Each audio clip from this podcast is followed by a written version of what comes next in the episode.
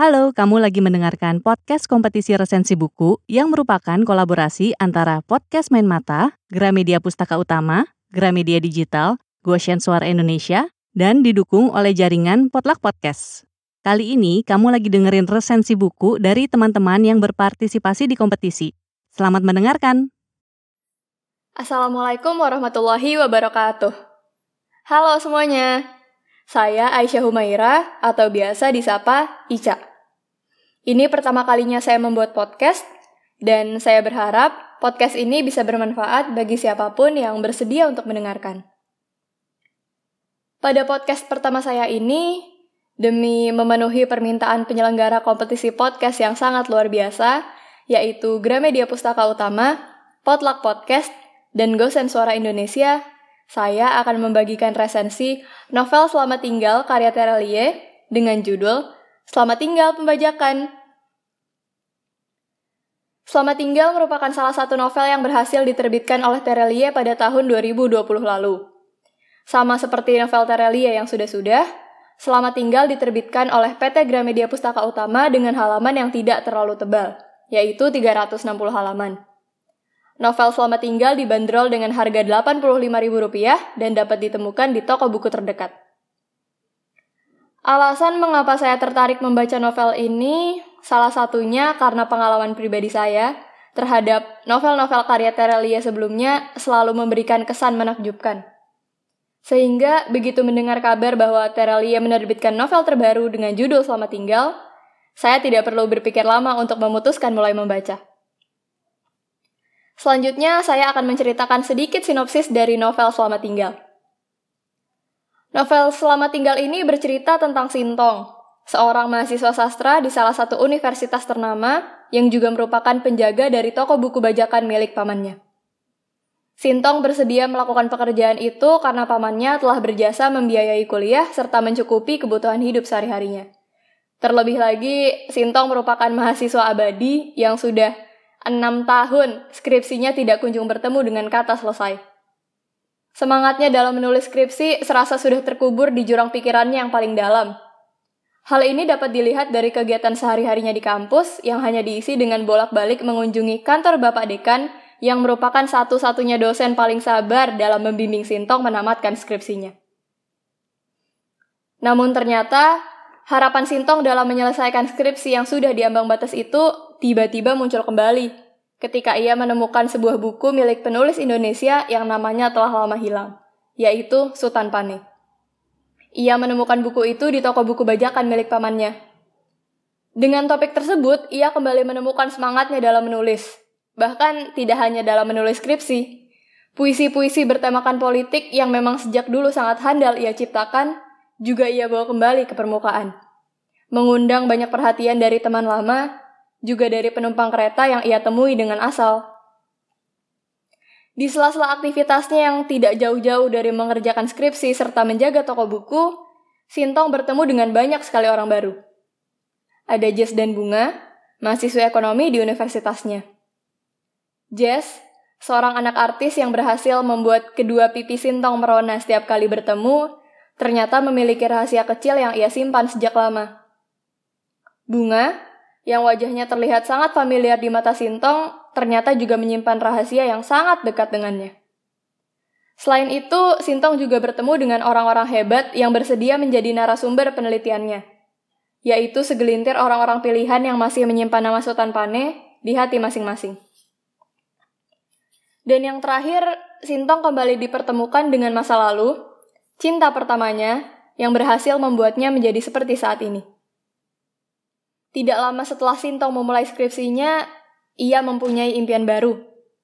Kegemarannya dalam menulis, aktivitasnya di toko buku, serta penelitiannya dalam skripsi bercampur menjadi satu melahirkan tekad yang kuat untuk keluar dari dunia pembajakan.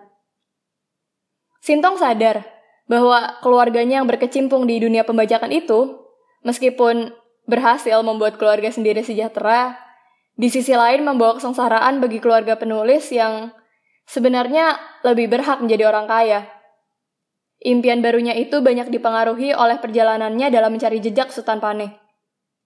Dari penelitiannya, ia mengetahui bahwa Sultan Pane merupakan penulis yang jujur dan sangat taat terhadap prinsip hidupnya sendiri.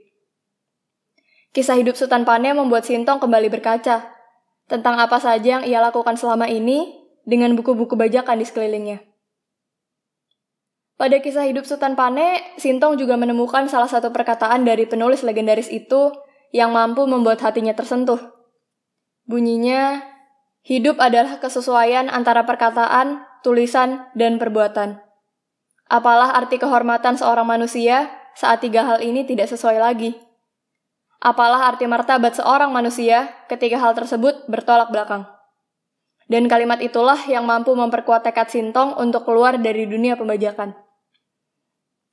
Namun, untuk keluar dari kebiasaan yang sudah mendarah daging dalam hidup memang tidak pernah semudah itu. Sintong tidak bisa melarang keluarganya untuk berhenti. Mereka sudah terjun di bidang itu sejak lama. Sintong juga tidak bisa meninggalkan toko buku itu tanpa alasan, mengingat pamannya sudah berjasa sekali untuknya. Namun, Sintong ingin tetap keluar.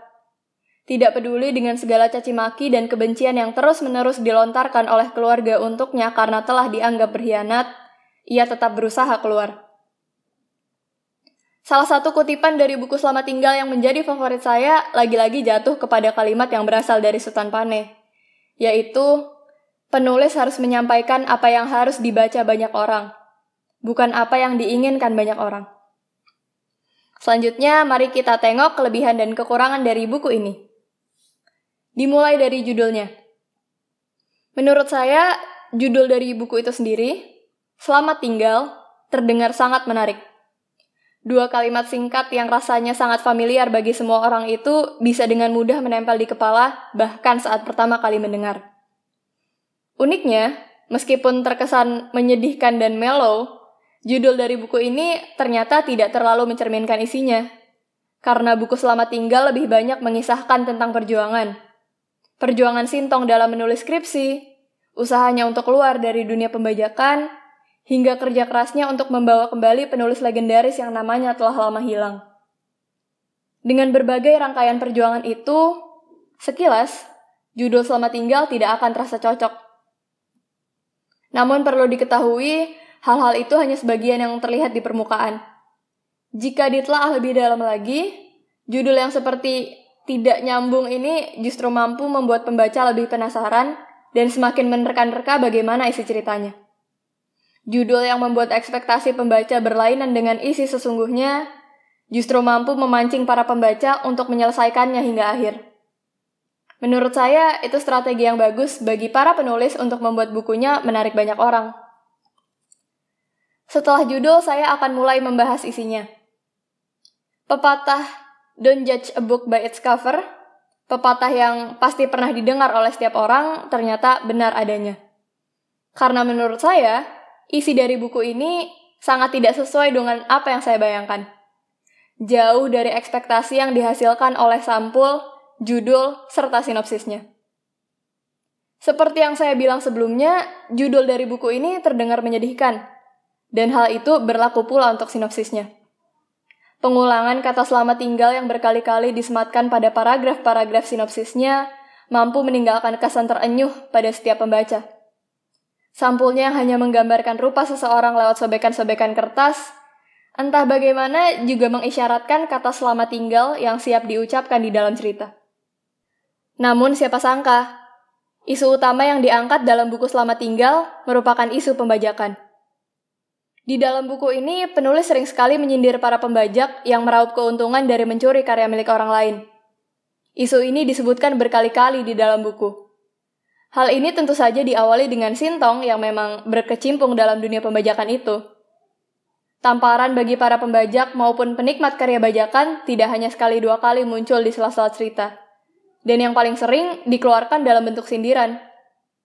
Bentuk sindirannya pun ada bermacam-macam, seperti pernyataan di mana para pembajak selalu benar atas pekerjaannya dan posisi penulis yang selalu disalahkan, atau cerita tentang mahasiswa-mahasiswa yang terpaksa mengakses konten bajakan karena uang sakunya terlampau sedikit, hingga sisi malang dari penulis yang rezekinya dirampas oleh orang-orang tidak bertanggung jawab. Intinya, penulis sangat menekankan isu pembajakan lewat cerita ini.